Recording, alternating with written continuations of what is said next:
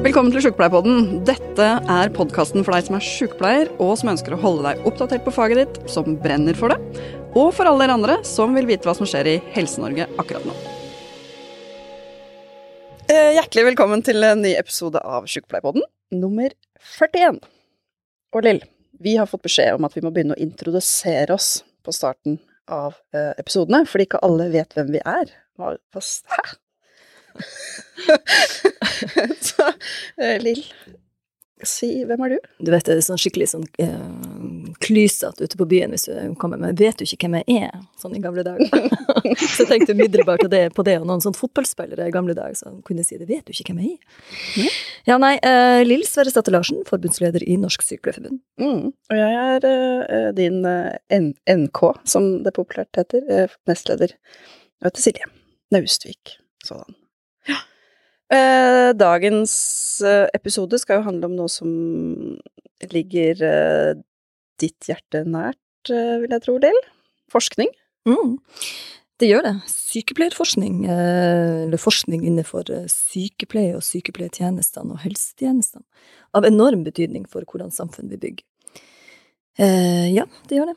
Men hvorfor gjør det? For, hva gjorde du før du ble Før jeg ble valgt i 2019, så jobba jeg som førsteamanuensis på UiT, Norges arktiske universitet, eh, i lag med veldig mange flotte folk som jeg savner.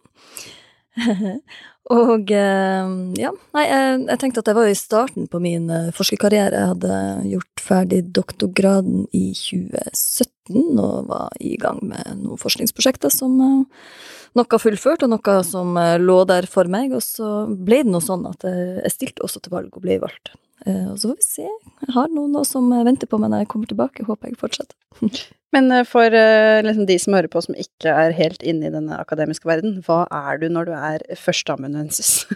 Jeg bruker å si at det er en forsker- og lærerstilling på universitetet. Sånn at jeg underviste på bachelorutdanninga på, på sykepleierutdanninga, blant annet. Noe på master. eh, Og så hadde jeg også da 50% forskningstid som jeg hadde prosjekter i lag med noen av dem som sitter her med oss i dag, blant annet. Mm. Og de som sitter her Når vi tenkte vi må få med noen bra folk eh, på denne episoden, så hadde jo selvfølgelig Lill eh, ganske mange bra navn å velge. Så da endte vi opp selvfølgelig med to, to professorer, og jeg kjenner får litt eh, Men dere ser ikke ut som professorer, da? Vet ikke. Hvordan ser en Jeg vet, nei, ikke sånn som dere ser ut, ikke vet jeg, men, men jeg tror vi, vi begynner Vi har med oss en, en kollega eh, fra Tromsø, Bodil eh, Hansen Blix. Hjertelig velkommen, Bodil. Tusen hjertelig takk. Ja. Jeg syns det var artig at jeg ikke ser ut som en professor. Ja, det kan ikke du Silje, si gjerne litt om hvordan en professor ser ut, eller ikke ser ut. Eh, Gammel, mann, skjegg. Oi. Og du er jo ung og, og vakker og ingen, ikke skjegg, uh, for eksempel. Jeg har i hvert fall ikke skjegg, men ikke enda. Så ja, Mm. Men ja eh, OK. Bodil, kan ikke du si litt om din bakgrunn? Jo, jeg er jo eh, kollega med Lill. Mm. Eh, Jeg, jeg er jo en av dem som venter på at hun skal bli ferdig med å være Nei, det er ikke sant. Jeg er utrolig stolt av og, og glad for at hun Lill er leder i Norsk Sykepleierforbund, det må jeg si. Eh, Så skal jeg kunne leve med, med, med det i noen år. Men jeg gleder meg veldig til hun kommer tilbake. For vi er altså kollegaer på UiT, Norges arktiske universitet, som hun Lill sa. Og der jobber jeg som professor, og så er jeg eh, fagansvarlig for et masterprogram i aldring og geriatrisk helsearbeid. Og så leder jeg en forskningsgruppe som heter Senter for omsorgsforskning nord. Ja, Og når vi Mm. første gangen, eller når vi maila om den episoden her første gangen, så brukte vi formuleringa eh, sjukepleierforskning. Og da svarte du at ja, men det, det er ikke det jeg driver med. Hva, Nei. Kan du ikke si litt om det? Ja, eh, nei, jeg, da ble jeg jo litt redd og, og tenkte at eh, det, jeg tror nok kanskje ikke jeg kan, eh, kan bidra så mye. For at jeg tenker nok ikke på meg selv som en sykepleierforsker, nei.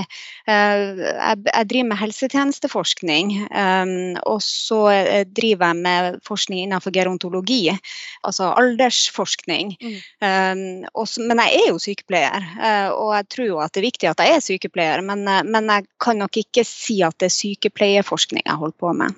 Hmm. Forskning av sterk relevans for sykepleiere, bruker jeg å si det. For jeg tenker jo min forskning òg er jo knytta til det. Altså det er jo helsetjenesteforskning.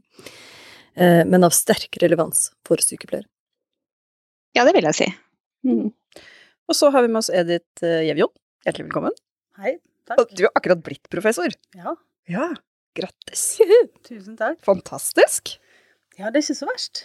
Nei, hvordan føles det? Det føles eh, ganske så bra, egentlig. Litt sånn eh, eh, Altså, det er jo sånn som etter disputasen, altså etter man har tatt en doktorgrad. Det er litt sånn vakuum, da. Bare Oi sann, ja, og hva, ja, og hva skjer nå, liksom?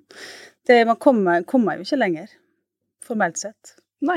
Jo, jo, jo, jo. jo. Du må ha som karriere... Vi har en kollega her oppe som har som eneste karrieremål å bli emerita.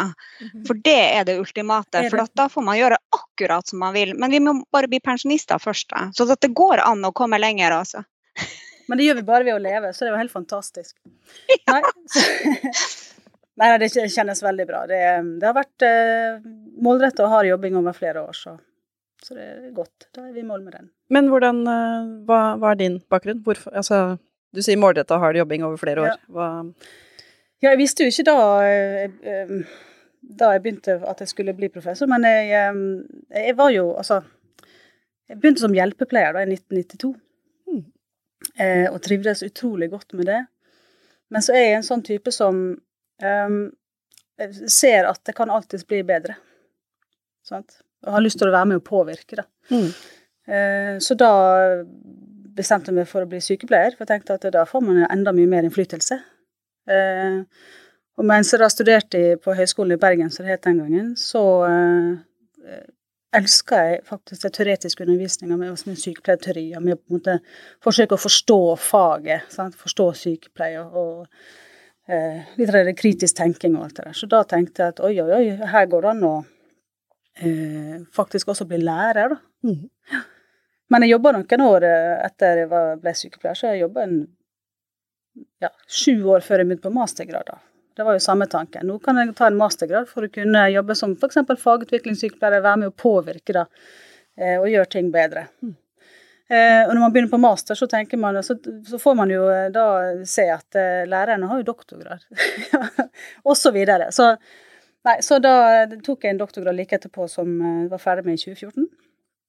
Eh, og da merker jo man at man får, får fort eh, ganske sånn pondus, for å si det sånn. Man får litt eh, makt på en positiv måte, Mm. eh, og innflytelse. Eh, men det var jo et steg til, da. Mm. Ja. Så jeg har vært eh, veldig bevisst på hva jeg har gjort, men det har jo eh, Det er ikke åtte til fire-arbeid. Nei. Det er det ikke. Visste du at eh, vi har et sånn eh, bokprosjekt egentlig i lag, jeg og Edith, som per nå ligger litt på is da, eh, på grunn av eh, det jeg driver på med, og for så vidt det du også har drevet på med nå nå når du har eh, blitt professor. Men vi har et bokprosjekt som rett og slett handler om For jeg hadde litt sånn annen vei inn i det, sant. Mens jeg gikk på sykepleierutdanninga, så var jeg ikke så fryktelig opptatt av teori, det skal jeg helt ærlig innrømme. Det vil si, hvordan teori? Jeg var opptatt av den naturvitenskapelige teorien og det å lære meg patologi, anatomi og fysiologi, og jeg skulle kunne det godt. Men akkurat Kari Martinsen og diverse annen teori, sånn omsorgsfilosofi, not so much.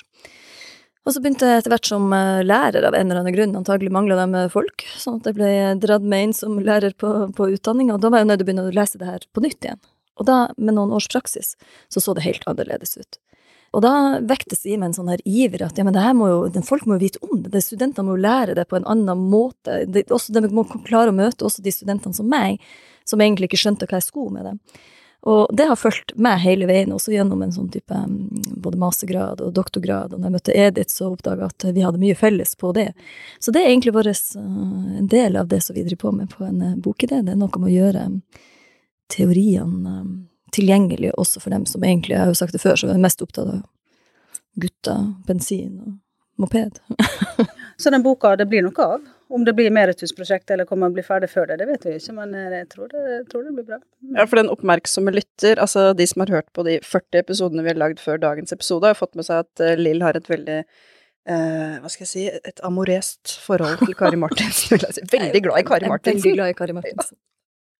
Når jeg bare først skjønte og å kunne sette det i sammenheng med, med praksis, Mm. skjønte hvordan jeg skulle bruke teoriene til de helt, helt nødvendige refleksjonene, så tenker jeg at da blir det så synd hvis vi bare hvis jeg bare hadde gått videre som sykepleier og kun forholdt meg til prosedyrer og teknikaliteter, egentlig, som egentlig er ganske lett.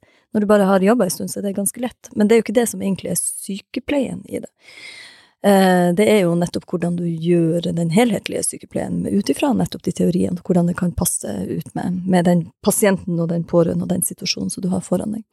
Og så er det jo sånn som jeg og Bodil har jobba og mye fellesskap i, tenker jeg, er den der helsetjenesteforskninga, det å se på hvordan altså den, all den politikken som påvirker inn i tjenestene, organiseringa av tjenestene, hvordan det påvirker den faktiske muligheten til å gjøre sykepleie. Eh, det er jo en ting med idealer, men den faktiske muligheten til å gjøre sykepleie. Så vi har jo jobba mye med, med, rammevilkårene rundt øh, sykepleiertjenesten. Mm. Eh, Bodil, altså jeg som ser det akademiske miljøet fra utsida, jeg kan ikke si at jeg liksom kjenner igjen veldig mange navn uh, fra det akademiske miljøet, men akkurat navnet ditt har jeg faktisk lagt merke til, Bodil, og det er fordi at du også har deltatt litt i samfunnsdebatten. Du er liksom en av forskerne som har skrevet noe også i offentligheten. Har det vært mm. bevisst? Uh, bevisst? Det, jeg kan ikke ikke gjøre det. Du ønska, hvor, hvorfor har du ønska å gjøre det? Nei, altså dels fordi at, at, jeg, at, jeg, må det. Altså, jeg tenker at altså, jeg er jo også et menneske. jeg er ikke bare en akademiker, jeg er også et mm. menneske som er berettiga det å mene noen ting om det samfunnet jeg lever i. Um, og, men også, tenk, jeg tenker jo også på det å delta i debatten, altså å bidra til en kunnskapsbasert uh, samfunnsdebatt. Er uh, en viktig del av mandatet mitt som, som uh, ansatt ansatt ved et offentlig finansiert universitet, som er eh, lønna mi betales over skatteseddelen til, til mine medborgere, så, så, tenker jeg jo at det, det er en viktig del av, av, jobben min. Det gjør jeg. Så, så, både fordi jeg ikke kan la være, men, men også fordi jeg syns det er en viktig bit av, av jobben, ja. Mm. Gjelder det Twitter-kontoen din òg? Om det er en viktig del, om Twitter-kontoen min er en del av jobben? Nei, det er nok litt hummer og kanari. det er så mye gøy, så hvis dere ikke følger Bodil Blix på Twitter, så bør dere gjøre det. Det er, mye gøy som kommer der. Skråblikk på, på nyhetssakene. mm. Hva er det som gjorde at du ønska å gå den akademiske veien da, Bodil? Oh, nei, vet du, jeg, jeg, jeg, satt og hørte på dere nå, så tenkte jeg at jeg hadde en sånn baklengs vei inn i sykepleien. Som er så, den er sånn baklengs fra alle jeg kjenner. For at alle jeg kjenner er litt sånn som du sier, Edith. Altså Man begynner å jobbe, og så får man lyst til å utdanne seg, så får man lyst på enda litt mer utdannelse, og så bare blir, blir det sånn. Mens min vei var helt motsatt. For at jeg var inne i et akademisk løp. Jeg var i ferd med å utdanne meg til sosialantropolog. Um, og så tror jeg det kicka inn min eh, protestantiske, pietistiske oppdragelse av en eh, Frelsesarmé-mor uh, som kicka inn. Så angsten for arbeidsledighet og, og, og, uvirksomhet tok meg. Og jeg tenkte at jeg får meg jo aldri i verden jobb som sosialantropolog. Og hva er det man får seg jobb som hvis, hva, Hvilken utdannelse er man helt bombesikker på å få jobb hvis man tar Jo, jeg skal bli sykepleier.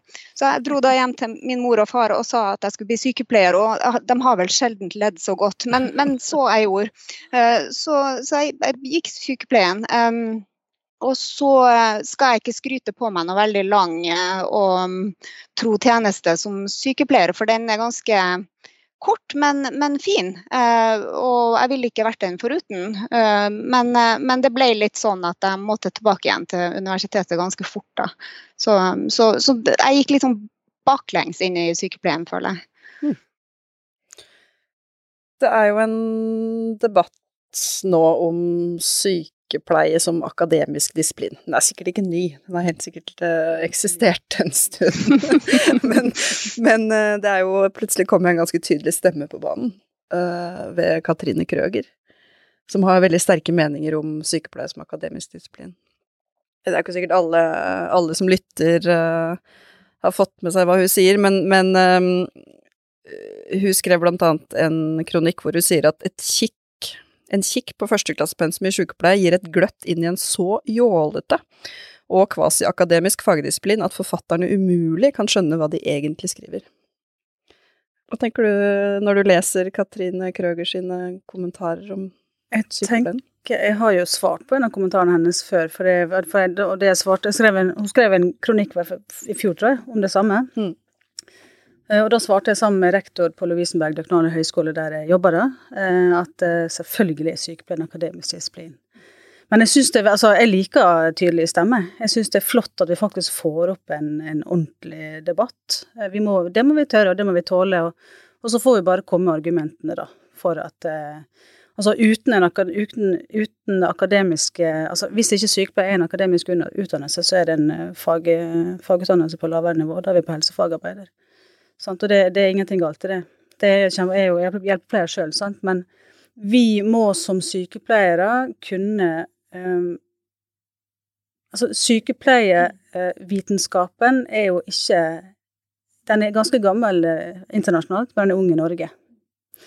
Eh, Men det den har ført til, er at vi kan jobbe Vi har kunnskapsbasert sykepleie. Sant? Vi vet hva vi skal gjøre i, i alle mulige typer praksissituasjoner. Eh, Men vi vet også hvorfor vi skal gjøre det. Sant? Altså, det handler jo om jeg, leser jo, jeg leser jo en del sykepleiere, og, og, har selvfølgelig intervjua masse sykepleiere. Vi er ofte veldig oppgaveorientert. Da, sant? Det handler om hvilke opp, altså, Sykepleierforbundet er også det, sånn generelt sett. Sant? Hvilke oppgaver skal en sykepleier ha? Mm.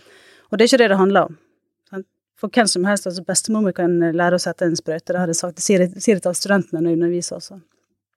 Så det er ikke det, men vi skal på en måte kunne, vi skal, vi skal kunne så mye eh, det som ligger bak å stikke den sprøyta, da, sant? hva vi skal se etter, hva vi skal eh, eh, observere, vurdere, ta beslutninger på. Eh, og det lærer vi ikke gjennom eh, å se på andre eh, eller å trene. Altså, det, det ligger kunnskap bak der, da. Jeg surrer meg litt rundt i et eller annet, eh, men, eh, men eh, sykepleie er en akademisk utdannelse, eh, og det er jeg veldig, veldig glad for at det er.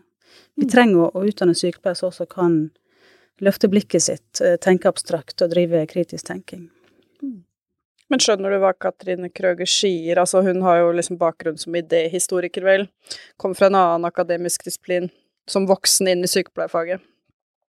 Ja, da syns jeg det er litt rart at hun ikke ser det. Mm. Mm. Med den bakgrunnen.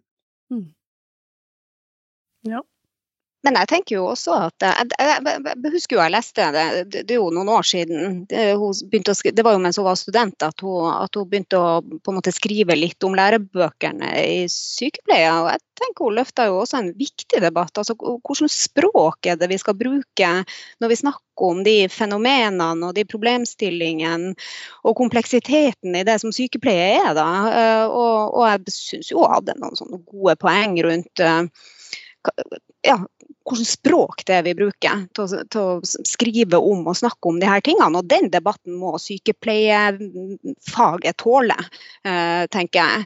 Det å, å, å faktisk eh, tenke litt over hvordan vi eh, ordsetter det vi holder på med. Og så er jeg selvfølgelig helt enig i at selvsagt er, sykepleien et akademisk fag også. Og, men, men man trenger ikke altså akademiseringa av et fag. Det, det, Der er på en måte mitt eh, Jeg, jeg mister taket i Krøger sitt spor, er jo det at når, når det på en måte blir eh, noe som eh, er, står i veien for å utdanne folk som skal utøve sykepleie av høy kvalitet, det er jeg nok ikke enig med henne i. Eh, og, det, så, så det, er noen, eh, det er noen implikasjoner av det å si som jeg er uenig i. Men at, at språket i de bøkene godt kan diskuteres litt kritisk, det syns jeg vel det må faget tåle. Jeg er veldig enig med deg, Bodil, også, for det handler jo også om eh, at eh, altså, Jeg tenker også det at jo Vi trenger altså Altså, hvis, hvis jeg leser eh, vanskelige tekster Altså, hvis vi klarer å omsette vanskelige tekster til enkeltspråk, så viser vi også at vi kan, kan faget vårt. Sant? Altså, det er noe med at det er vi som eh, som har forska på det her, som på en måte skal være sykepleierviterne, da, om vi kan, kan bruke det begrepet, som faktisk er nødt til å, å klare å omsette det vanskelige på en enkel måte til studenter, blant annet, og til sykepleiere også for øvrig. da. Og da er det fint sånn som du gjør. sant? Du skriver kronikker og løfter fram, eh, løfter fram eh, debatter, og også det å, det å svare på Krøger, istedenfor kanskje å bli krenka, så kan vi jo svare med argumenter. Altså å forklare hvorfor sykepleie er er en akademisk eh, Vi kan jo også si at det er en akademisk disiplin, ikke sant. Altså, vi, er, vi er jo der. Mm. Det er et utrolig komplekst fag, eh, og også en profesjon, selvfølgelig. Altså, det er jo den derre Det trekte opp en motsetning mellom profesjonen og vitenskapen, som om det var motsetninger, men det, det er det jo selvfølgelig ikke. Det henger jo godt sammen. For du er både knytta til omsorgsfaget, til eh, sykepleierprofesjonen, men også da det som, det som, det som jeg er opptatt av, sykepleiertjenesten, altså plassen i tjenesten. Og alle de delene eh, må forskes på, og sånn sett er det behov for en eh, akademisering. Jeg tenker vi møter jo denne forestillingen om at sykepleie ikke er et akademisk fag, ikke bare fra vår Altså også litt fra utsida. Eh, Vi har jo blant annet eh, en pågående kamp, vil jeg si, for å få politikere og embetsverk til å forstå at også sykepleie skal liksom følge gradsstrukturen med bachelor og master. Og det å tenke det, det er, må jo være noe historisk uh, betinga også, som gjør at det skal være en kamp for uh, akkurat vårt fag, men ikke for andre fag. Det er jo ingen andre fag som får, får beskjed om at nei, men for dere så holder det med 90 studiepoeng, da hopper dere av, eh, og så har dere fått den kunnskapen som dere trenger, eller som arbeidsgiver mener de trenger, eh, og vi ønsker ikke at dere tar Det skal fylle en funksjon, vet du. Ja, nettopp. Nettopp. Ja, og det der det henger sammen. Altså det der er jo, henger jo sikkert sammen med mange ting. Dels er det jo veldig kjønna. At det, det er sant? Omsorg er et veldig kjønna kjønna fenomen. Eh, Så det er jo liksom den ene sida av det. Men så er det jo også det der med altså, man har, som du sier, det er knytta til funksjon. ikke sant? Det er, altså vi, vi har en tjeneste som blir mer og mer um, altså, retta mot at det skal utføres oppgaver. Folk skal være kvalifisert for å utføre helt konkrete, definerte oppgaver. Og når vi tenker at nå har du tilstrekkelig kunnskap til at det kan gjøres på en trygg måte, da er det godt nok. Og så er det kanskje ikke så mye rom for å, å tenke kompleksitet og, og, og, at det her er, em, eh, er atskillig mer komplekst enn som så. Da. Eh, Bare tenk på hvordan sammensetninga av altså kompetansen til ansatte i kommunale helse- og omsorgstjenester, som jo holder på med de aller mest komplekse tingene av, av alt, nemlig hverdagslivene som skal leves der ute. Eh, og det er der kanskje den formelle kompetansen er aller lavest. Og det handler jo om en forståelse av hva hva omsorg er, hva, hva livet, hva hverdagslivet og, og hva tjenestene skal være. Mm. Det er interessant det du sier om at det er kjønna. Det, det, det tenker jeg at det må være noe av forklaringen. Altså, noe annet ville vært Altså, er det Lill, du fikk jo, du fikk jo sånn tåkelurpris første året du var forbundsleder, for du sa du var så fuckings lei varme hender. Og det går jo litt også inn i den debatten, ikke sant, om at sykepleie, det er, det er kvinner med omsorg. Ja, og noe som alle og enhver kan gjøre, og det er ikke så opptatt av hvordan kompetanse, bare det er en person med varme hender, altså med omsorg, omsorg, så, så kan du fylle den funksjonen. Og da er det, det mener at da er det noe Det er jo noen maktstrukturer, det er kjønna, og det ligger selvfølgelig noen maktstrukturer knytta til kjønn, men det er jo også noe knytta til et hierarki i, um, i helsetjenesten som sådan.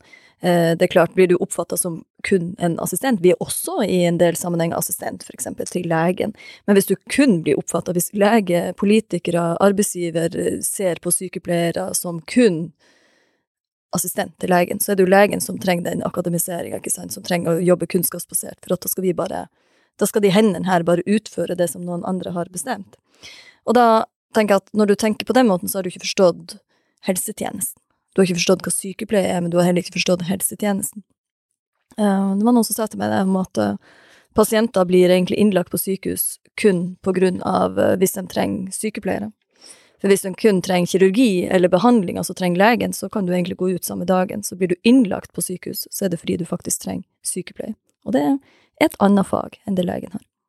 Det er helt riktig. Og jeg tror at, det, at det, kanskje vår verste fiende, for å si det sånn, er jo litt, vårt eget språk, så du er også inne på, Boril. Vi, når vi bruker begrepet omsorg, sant, så Altså, alle kan drive omsorg, og alle driver omsorg.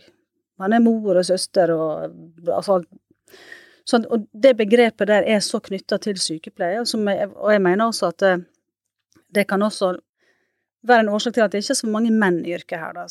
Det, det er litt, litt, litt begreper vi bruker, og der har jo Krøger litt rett i altså Vi må bare gå oss i oss sjøl, vi som skriver lærebøker, da. At uh, vi må på en måte kunne klare å artikulere faget vårt, som vi har snakka mye om. Men, men hva, hva er vi, vi må være presise i måten vi, vi snakker om faget vårt på, og fenomenet i, i sykepleie. Uh, uh, og det er kjempeviktig for å faktisk løfte da litt anerkjennelsen også. Vi må bli liksom like tøffe som uh, disse her legene, da, vet du. Altså, man blir jo sammenligna der også. Men uh, det, det, er noe med den der bare ha Klare å artikulere og forklare hva faget vårt faktisk går på. Altså når vi har temanummer om hva er sykepleie, så 200 år etter Florence Nightingale, så, så henger vi jo litt etter på akkurat det. Jeg gjorde vondt. Hva gjør sykepleiere? Jeg er ikke så opptatt av hva det er. Vi vet hva det er. vi gjør jo det. Vi burde vite det. Ja. Men vi diskuterer det fremdeles. Men det er jo nettopp derfor også jeg tenker sånn som, eh, sånn som Bodil sin forskning også er, er, så viktig. Som nettopp ser på sammenhengen mellom, eh, mellom helsepolitiske dokumenter, for eksempel. Gjør analyse av det, og hvordan det virker på tjenestene. Og ikke minst på tjenestetilbudet for dem som skal, eh, skal nå dem, om det er pasienter eller om det er pårørende, og uansett etnisk eh, tilhørighet. Det var egentlig en klut at du skulle si noe, Bodil. ja, det var så lurt det du sa, at jeg ble sittende og tenke på det. du kan godt si litt mer om forskninga di.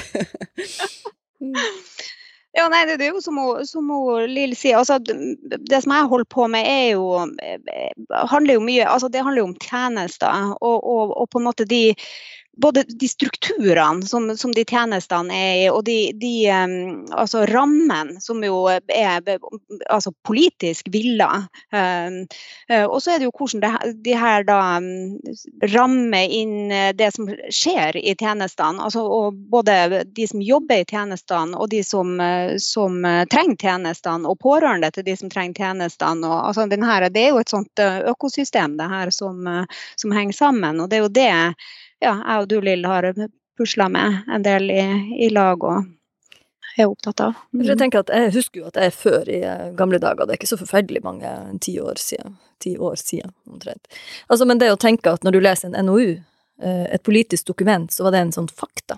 Det var en sannhet, sort of. Mm. Det er ikke det. Mm. Så det å begynne å analysere de her og se hvor mye politisk villa, som du sier. Hva, hva slags mm. mål som er satt inn der, hva som er skrevet inn, hva som ikke er skrevet inn, ikke minst. Hvordan det er lagt ord på, det brukes mye ord også der, som har enorm betydning for hvordan vi faktisk kan utøve sykepleie. Mm. Hva slags ressurser er det som tilfeller eh, sykepleiertjenesten, eh, helsetjenesten for en saks skyld, på sykehus opp mot kommunene? Eh, hvordan påvirker det sosial ulikhet? Oslo øst og vest, eller nord og sør, altså hvor, hvor du bor hen i land, eller som vi også har jobba med ut ifra ulik etnisk tilhørighet, sånn som samer. Mm. Ja det er jo en av mine sånn guilty pressures, det å sitte og plukke fra hverandre sånne, sånne offentlige dokumenter og se på hva, hva, er det egentlig som står der. Eller altså, hva er det som ikke står. Det er jo ofte enda mer interessant å se etter hva er det, hva er det som står mellom linjene, og hva er det som er utelatt.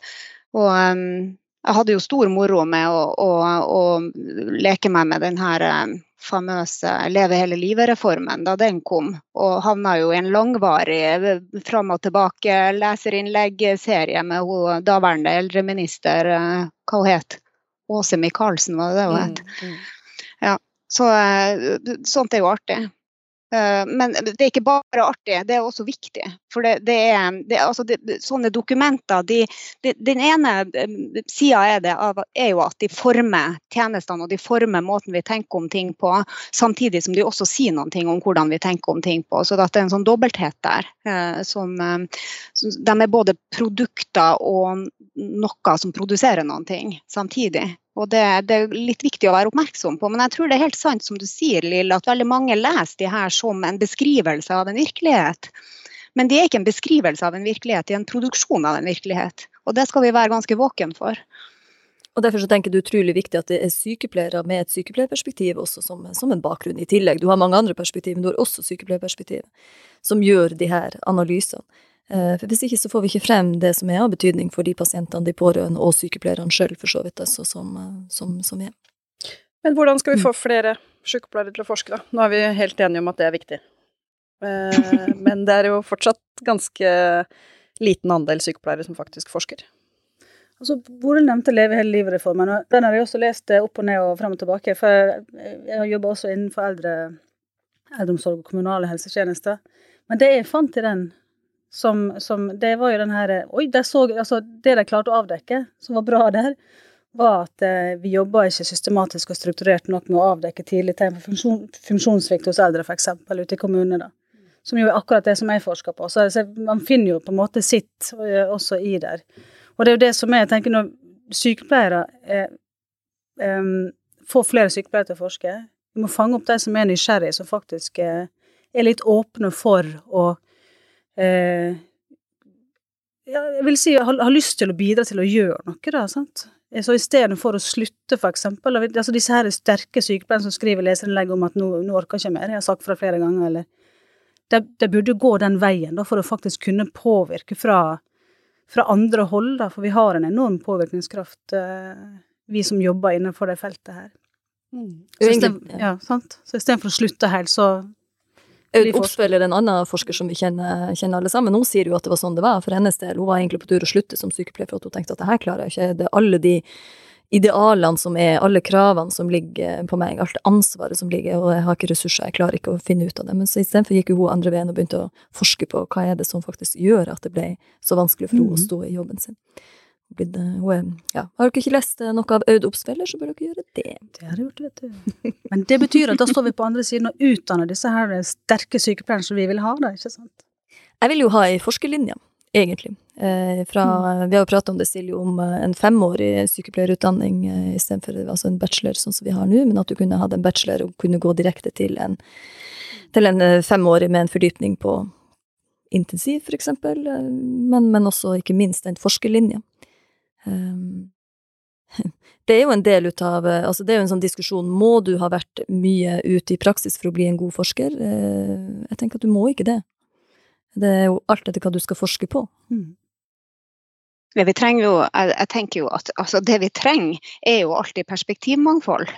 Uh, så, så altså, det, det, er veldig viktig at sykepleiere forsker, fordi at sykepleiere bidrar til det her perspektivmangfoldet. Jeg, jeg, er jo en veldig sterk tilhenger og forkjemper for tverrfaglighet. For jeg tror at, at de problemstillingene som i hvert fall jeg er opptatt av, som jo gjerne er knytta til kommunale helse- og omsorgstjenester, er så kompleks at de, de, fordrer tverrfaglige mm, løsninger. og Da må vi også tenke tverrfaglig når vi skal tenke rundt det her. Men, men i det så er det jo helt nødvendig at sykepleiere er med. Altså, det er en, en, veldig, en viktig del av perspektivmangfoldet i, i, mm, i forskning som, som, sykepleiere bidrar med. Da. Når det gjelder hvordan vi skal få dem til å forske, Silje, så um, uh, jeg tenker nok at jeg erfarer at um, jeg driver jo og prøver å rekruttere studenter til masterprogrammet som jeg leder i aldring og geriatrisk helsearbeid. Og da opplever jeg en, en litt sånn skepsis ute. Hos, vi, vi, har masse folk som har lyst til å studere, men vi opplever at arbeidsgiverne deres er litt sånn lunken til å sende dem på, på skolebenken igjen for å ta en mastergrad. For hva skal kommunene med det? Det er det ene. Um, og det andre er uh, hva, det, Vi kommer bare til å miste dem etterpå. For hvis vi gir dem en mastergrad, så ender de opp på universitetet eller en høyskole eller et eller annet. Så de kommer ikke tilbake. Og det er jo empirisk feil. Mm. Altså det, det, er rett og slett empirisk feil. Altså vi, når vi lyser ut stipendiatstillinger, så, så, er vi ikke konkurransedyktige i det hele tatt når det gjelder lønn. Uh, så det å få rekruttert sykepleiere fra stillinger i kommunehelsetjenesten eller spesialisthelsetjenesten for å komme til oss og leve på stipendiatlønn i fire år, å kanskje, som kanskje munner ut i en doktorgrad til slutt, uh, det er ikke bare bare. Så de trenger ikke å være så fryktelig redd for at de skal komme, altså at de ikke vil tilbake til tjenestene. Min erfaring i hvert fall fra, fra det programmet som jeg jobber på, er jo at studentene vil tilbake til kommunene. Det er nå det ene. Altså, det er derfor de tar en mastergrad, fordi at de tenker at det her trenger jeg i jobben min.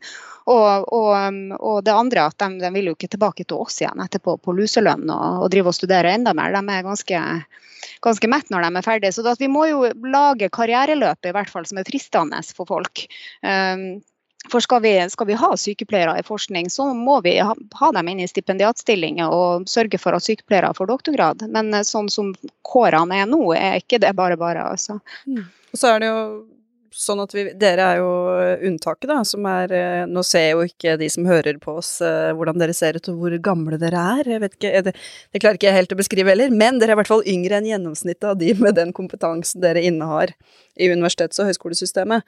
For vi veit at uh, vi har veldig mange som begynner å nærme seg pensjonsalder blant de som har førstekompetanse eller mer på Og det er jo et stort problem, ikke sant, hvis vi ikke klarer å rekruttere i andre enden og få flere til å gjøre sånn som dere tre har gjort. Tatt en master, tatt en doktorgrad, eh, eh, og ønska å jobbe i høyskole- og universitetssystemet, så får vi heller ikke utdanna sykepleiere i andre enden. Det er veldig viktig, og det, det som Bodil er inne på er også kjempeviktig. Også det, er helt, det, er helt, riktig at det, de fleste som tar master, havner ikke på høyskolene. Mm. Det heter jo på folkemunne at vi utdanner ikke Vi vil ikke ha teoretikere ute i tjeneste. Altså det, det, er bare tull. Det blir ikke teoretikere av å ta en master. Men jeg tenker det, Lill, det du er inne på med, med det tre pluss to-løpet, veldig enig i det. Samtidig så er også eh, Du nevnte vel også det at det, eh, altså man, man, kan også gå videre uten å være noe særlig klinikk og gå rett på en ph.d. Det har jeg også veldig sansen for, altså. Mm. fordi at det, eh, vi trenger forskere med lange forskerkarrierer. Vi trenger professorer som kan være professorer i 20-30 år, ikke sant. Jeg har jo en stipendiat nå, Ida, som, som har gjort nettopp det. Gått 26 år, gått straka veien og er nå i sitt andre ph.d.-år. ikke sant? Ja, mens, mens, jeg hadde tatt den der trauste veien fra hjelpepleier og sykepleier og leder og bestemt, jeg vet ikke hva jeg har gjort. Men det, det, er et annet perspektiv, er en helt annen erfaringsbakgrunn da, som, som, gir som gir noe veldig bra, det også. Men jeg har ikke den lange karrieren som kanskje Ida vil ha når hun er Eller ikke kanskje, som hun vil ha når hun er ferdig. sant? Men vi trenger begge deler, da. Så tror jeg det har vært noe med Jeg vet ikke om det er innenfor sykepleien, eller um, Men om da, altså før, i alle fall, så var en doktorgrad bare på en måte Ikke bare på en måte, det var livsverket ditt. På slutten av karrieren, egentlig.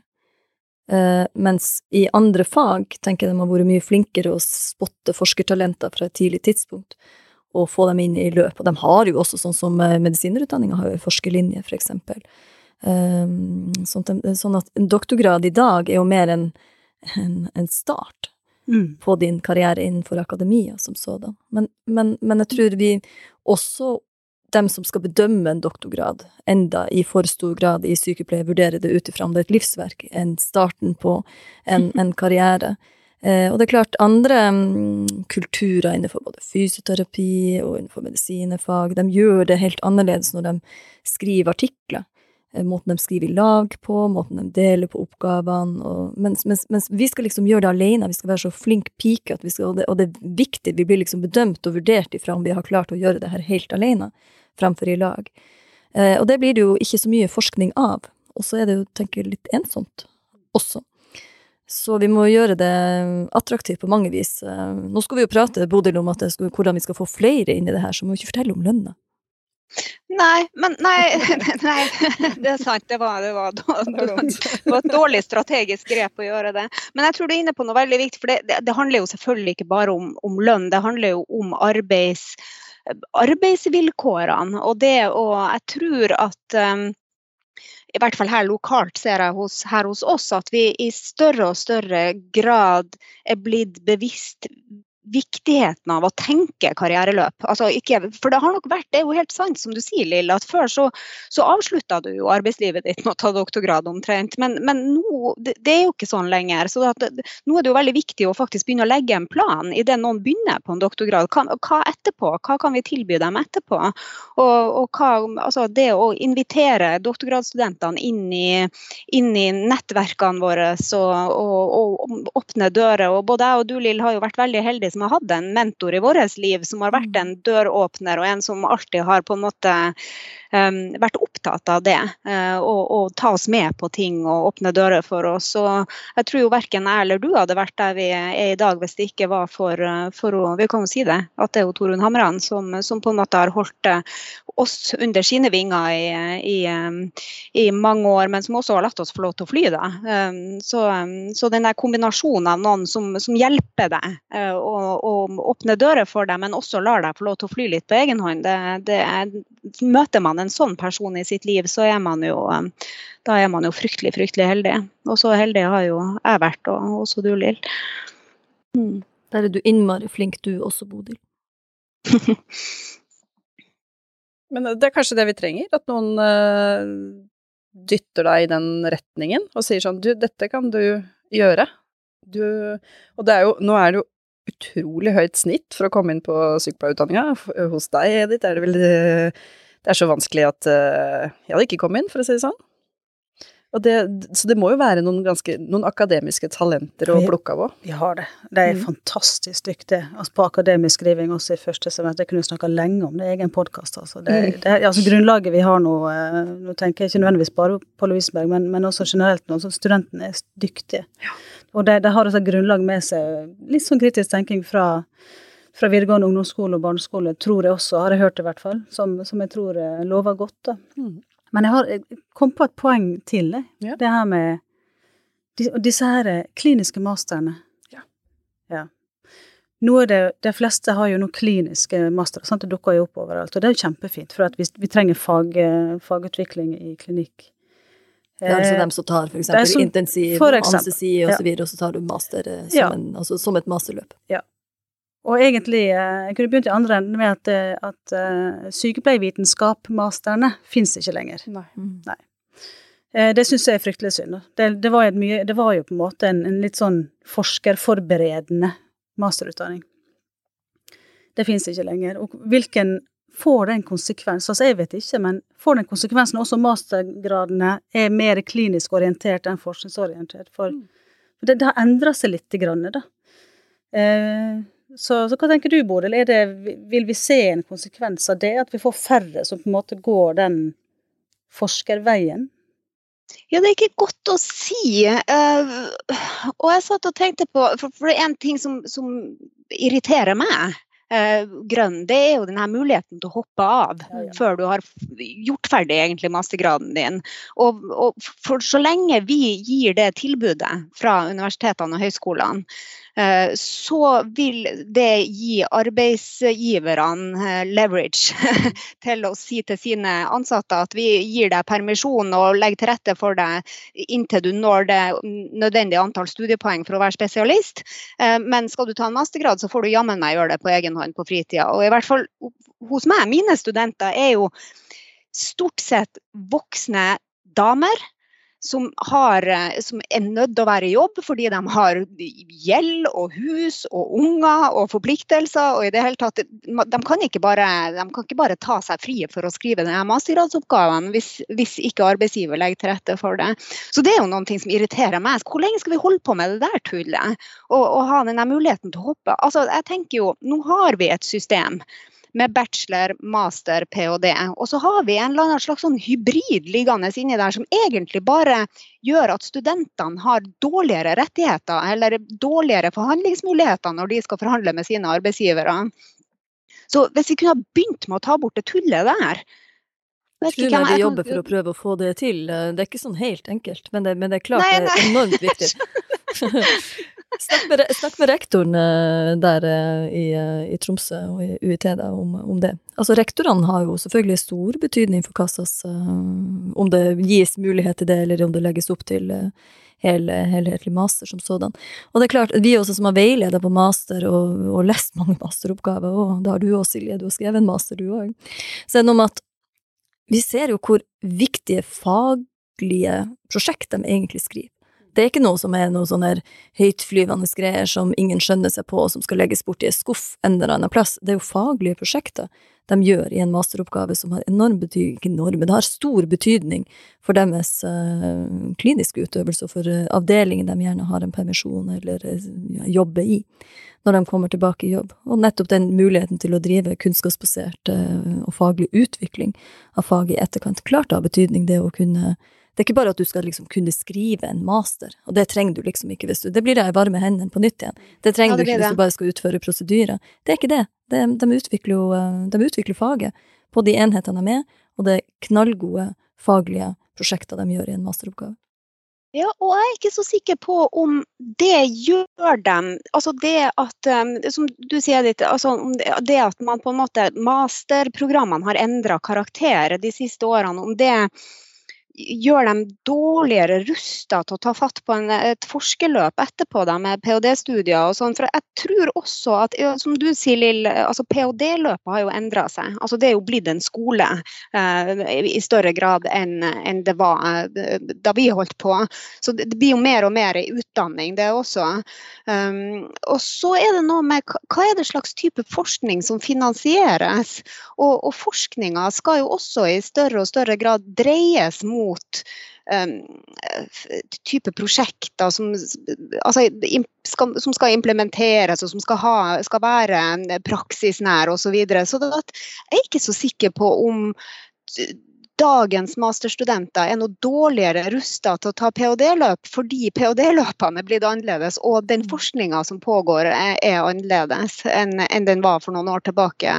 Har sikkert i hvert fall vi tre som har sittet og skrevet prosjektbeskrivelse til et uh, doktorgradsløp en gang i tida, her uh, bare satt og skrev det vi sjøl hadde lyst til å holde på med. Det var jo gøy, og det er jo nettopp det som er artig. Det var kjempeartig. du får jo holde på med det du syns er skikkelig gøy.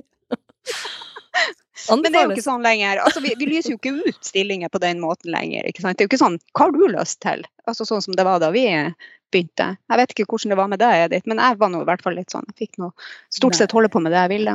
Nei, det fikk jeg ikke. Men, jeg, fikk, um, men det handler om det som jeg ønsker å forske på. Så, men jeg lagde jo selvfølgelig design designa studien sjøl, men temaet var gitt. Mm. Eh, så det var Men du har rett, altså. Det, det er interessant det du sier, at det, det har endra karakter. Eh, altså både ph.d.-en og ph.d.-en. Og at det er mye fokus på det her med praksisnær eh, og, og nyttig forskning, da, som er klinisk nyttig. sant? Men vi har jo ikke finnes denne masteren i sykepleiervitenskap lenger, og ikke finnes det eh, mastergrader for sykepleierledere lenger heller.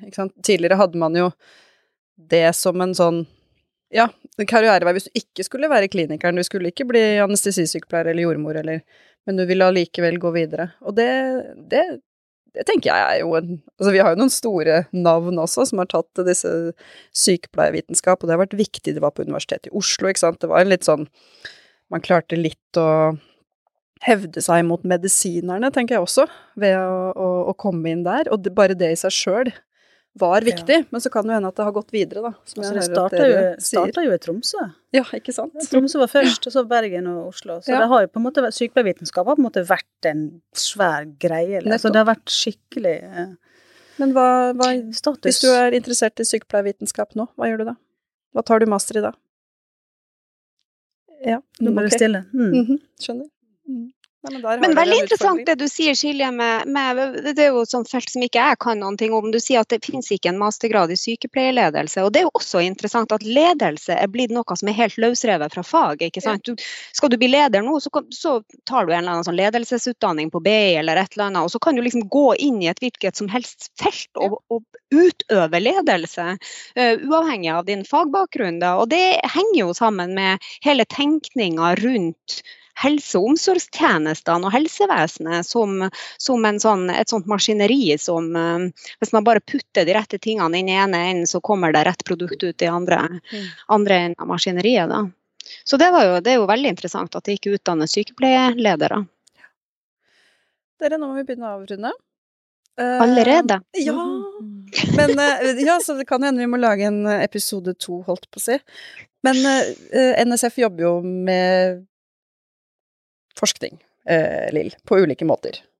Vi, blir, blir, vi gir blant annet noen penger til forskning hvert år. Mm. Eh, som styret bevilger til eh, innenfor felt vi syns er viktig. Vil du si noe om det? Jeg tenkte du sa noe om det. Jeg sa noe om det nå, uh, ja. Men uh, ja. Og så har vi jo sykepleierforskning, som du uh, er redaktør for. Sykepleierforskning, ja. ja. Riktig, ja. Mm. Mm. Vi har faggruppen. Vi har faggruppe for sykepleierforskere. Mm. Den har vel til og med akkurat slått seg, to faggrupper som har slått seg sammen. Eh, Kommer fra generalforsamlingen nå. Det gjorde det, ja. Det gikk igjennom. Så bra. Very good. Fikk den et navn? Nei, det kommer det, det kommer. Mm. Mm. Så bra. Men uh, sånn at vi, vi gjør jo en del ting. Men hva, hva tenker dere at vi burde gjøre mer av for å løfte Jeg tenker Vi jobber jo også selvfølgelig på det med politisk. sånn som Vi har jo Ut av de kampene vi har, er jo en ut av dem er jo en sånn utdanning- og forskningskamp. Ja, ja, som, Absolutt. som, som, har som mål om å øke kombinerte stillinger, men, men også flere stipendiater, blant annet. Øke lønna til stipendiatene eh, jobber vi jo med hvert eneste år. Eh, det å få karriereveier, det at vi som sagt både snakker med rektorer som, som arbeidsgiver, men også av stor betydning for hvordan, hvordan, samfunnet bygges, for så vidt hva slags kompetanse du trenger, at de også ser behovet for NOKUT-godkjente sykepleierutdanninger, ergo så må du ha mange nok sykepleiere med, med førstekompetanse, som er doktorgrad eller første lektorkompetanse, eh, og ikke minst behovet for å utvikle faget, utvikle tjenestene, utvikle helsetjenesten og beredskap i, i det området du, du, er i. Så det jobber vi jo masse med politisk og inn mot arbeidsgivere som sådan i tillegg. Og finansieringskategori. Finansieringskategori. Ikke minst. Altså veldig, veldig underfinansiert uh, sykepleierutdanninga er. Skal vi si det, for jeg snakka med temmelig Altså flere, flere rektorer. Jeg oppfatter at de ser behovet, og det, det er et sånn handlingsrom der eh, for oss å bygge karriereveier. Men kanskje må vi rett og slett bare foreslå mer inn. Hvordan skal det se ut? Forskerlinje er jo én ting, ikke sant, at du kan gå videre på den. En forskerlinje som går ikke bare til en master, men som går til en ph.d. Eh, hvordan skal du bruke det, at det ligger karriereveier i etterkant òg, som sagt, at du ikke bare har gjort en doktorgrad, og så ja, nei, det var fint. Og at du ikke da bare blir brukt til undervisning, og så får du eh, minimalt tid til å faktisk gjøre forskning for at du har så mange administrative oppgaver at det spiser opp forskningstida di. Det må legges et løp der du da har mindre mindre administrativt arbeid, rett og slett, hvis du skal ha tid og mulighet til å gjøre, gjøre forskninga som nødvendig for at man skal få penger fra store sånn, søknadsprosesser. Det er jo masse arbeid. Så nå skal du, For å få penger til forskning, og dermed nye stipendiater, så skal du være best i verden omtrent på eh, både forskninga, pedagogisk og eh, klinikken i tillegg. Og så skal du ha et internasjonalt uh, nettverk, og det skal være tverrfaglig. Og det helst skal du ha gjort det omtrent året etter at du er ferdig med en doktorgrad. Lykke til! Ja, men da skremte vi jo alle som har lyst til å bli forskere. Nei. Det gikk jo riktig bra, Lill. men det dere kan gjøre, da Ja, fint. Takk for det. Mm. Det er et generasjonsskifte nå som har vært varsla i noen år, skjønt. Der mm. det er veldig mange professorer som går av nå med pensjon. Mm. Eh, eh og, og, første, og førstestillinger. Så det, det, er altså bare øk potten med rekrutteringsmidler til ph.d. Men altså, dere kjenner til Fysioprim, sant? det store mm. fondet som fysioterapeutene har noe lignende der, sånn at vi også kan få, få bygd større prosjekt med flere på samme prosjekt. For det, det dere finansierer nå, eller NSF, det er jo da enkelt eh, stipendiat eller påstått på enkeltprosjekt. Men vi trenger nå å bygge mer programmatisk forskning, sant. For å skikkelig kunne komme med en samla kunnskap fra ett svært prosjekt med flere eh, stipendiater og postdokker i, i, det prosjektet. Da vil det skje, da vil det skje ting. Og så overbeviser sykepleiere om at eh, NSF er vel så bra som Forskerforbundet med å ivareta forskerne sine og stipendiatene. Det er ikke alle som vet det. Hm. Gode tips. Og så tenker jeg en ting som dere gjør veldig bra, uh, som jeg syns jo um, en viktig jobb som Sykepleierforbundet gjør, er at dere har blitt en viktig samfunnsaktør, en viktig stemme i samfunnsdebatten. Det gjør også noen ting med finansieringskildene sin forståelse av betydninga av sykepleie. Så det å, det å, skulle overbevise et forskningsråd, eller hvem det nå er man søker midler hos, um, om betydninga av um, å drive sykepleierrelevant forskning, blir også lettere når man har en, en så tydelig samfunnsstemme som det Norsk Sykepleierforbund har blitt de siste årene. Det tror jeg fortsetter å være det. Fortsetter å være høylytt om, om fag altså om, om faget. Det, det, det, er kanskje en av de aller viktigste tingene dere kan gjøre. Hmm. Det kan vi få til. Det får vi til. Fortsette å gjøre, mener jeg. I lag, altså. med, i lag med, med, dyktige folk som, som, dere og flere andre. Som vi, vi, det, det, vi gjør, gjør vi jo selvfølgelig ikke helt alene. Vi, vi får jo innspill fra nettopp uh, folk som dere, og folk som jobber i klinikken osv., så videre, sånn at vi skal kunne ha en faglig ekspertise og en faglig tyngde i argumentene våre. Så mye av det kan vi jo òg lære gjennom nettopp en akademisering, altså en, eh, av faget vårt, sånn at vi har en faglig argumentasjon. Men vi er nødt til å avslutte med en sånn her Altså, vi må jo kunne si noe om hva som er det artigste med, med, med jobben, uh, jobben uh, sånn som, som Med å være professor, hva er det artigste med det? Ja, nå har jeg ca. to uker i det. Nei, altså, men så, Kommende feiring? Ja, kommende Nei, det, det som jeg syns er fantastisk, er at jeg faktisk får lov til å, å være med og utvikle faget, ikke minst. Men jeg er med å lage skikkelig gode sykepleiere. Mm. Eh, og så får jeg også lov til å eh, være med og eh, Jeg vil ikke bruke ordet produsere, men hva, hva heter det da? Det liksom, altså, jeg er også med på å skape gode forskere, for jeg veileder jo fire stipendiater også, og masterstudenter. Det er sånn her jeg, jeg føler at jeg kom litt i mål med at nå, nå, er jeg her at jeg faktisk kan være med og bidra. For det er jo Jeg glemte å si det i sted, men det er pasienten som har vært mitt fokus hele veien. sant? Det er den som står der fremme, som, som, som jeg jobber mot for å, å gjøre helsetjenesten og sykepleien helt uh, skikkelig bra og mm. enda bedre for, da. Det er det beste med jobben min. Det er morsomt. Hva med deg, Bodil?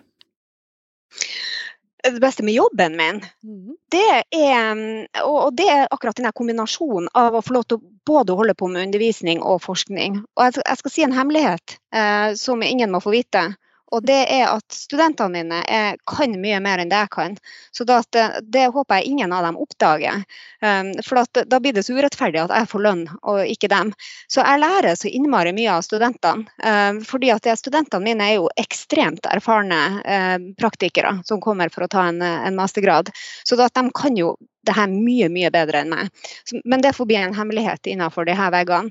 Så det er en av de artigste tingene med jobben min. Så det er undervisningssida. Og så er det jo det at jeg da kan bruke halvparten av arbeidstida mi på å forske. Og det jeg liker aller best å forske, er jo det å bli overraska. Det er når ting ikke er sånn som jeg trodde de var. Eh, at ting er helt annerledes enn det jeg trodde. Det er jo den aller, aller beste følelsen når man forsker. Når man har tatt feil. Det er artig, det. Ja, så bra. Fantastisk. Eh, eh, Lill, har du noen tips hvis det sitter noen, noen og hører på og tenker sånn åh, shit, det der hørtes så kult ut, men jeg vet ikke om jeg vet hvordan jeg skal gå fram for å få en karriere innen akademia. Hva tenker du da, hva skal de gjøre, de sykepleierne som uh, sitter og tenker sånn? Just do it, som jeg for så vidt uh, bruker å svare. Men jeg tenker det er også viktig at de lærere og forskere, altså dem som jobber i akademia, også er innmari flink til å spørre og foreslå. For min del så var det jo um, Ketil Nordmann som, uh, som, ble min veileder etter hvert, uh, som, uh, som, spurte ganske tidlig men Lill, har du tenkt på å gjøre en akademisk karriere? Og det hadde jeg aldri gjort. Men når han spurte, så begynte jeg å tenke over det, hva det faktisk innbefatter, og undersøke og tenkte at ja, nei, kanskje det er faktisk det jeg skal gjøre. og dermed så søkte jeg da etter hvert og fikk det stipendiatet på. Så um, nei, hva man skal gjøre sånn rent praktisk i, i dag, det vet kanskje dere bedre, Bodil som uh, jobber tett og nært med dem.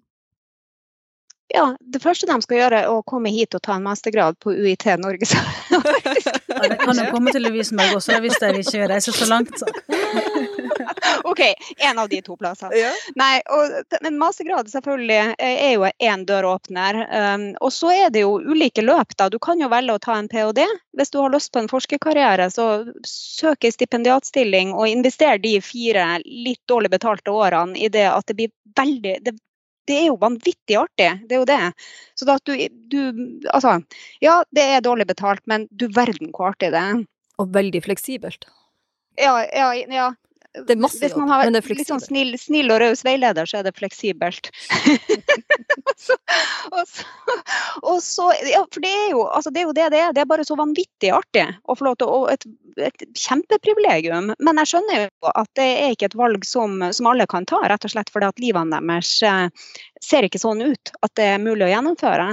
Men det går også an å komme, ta en mastergrad, kanskje eh, være med på forskningsprosjekter. Eh, bidra inn i forskning. Du trenger ikke å, drive dem sjøl og lede dem, men du kan jo også drive med forskning med å være med. Eh, og det prøver vi å tilrettelegge for å hanke inn interesserte mastergradsstudenter i den pågående forskninga som vi har i, i, forskningsgruppen på instituttet også. Um, så, så, det er mange veier til rom. Så må du søke, selvfølgelig. På et eller annet tidspunkt så må du søke om utlyse stipendiat, f.eks. som uh, dem som NSF har. Og så må dere få dere en mentor. Det hører jeg jo dere sier, alle sammen. At det er viktig å ha noen som liksom har tro på deg og veileder deg. Og finne den Mm. personen.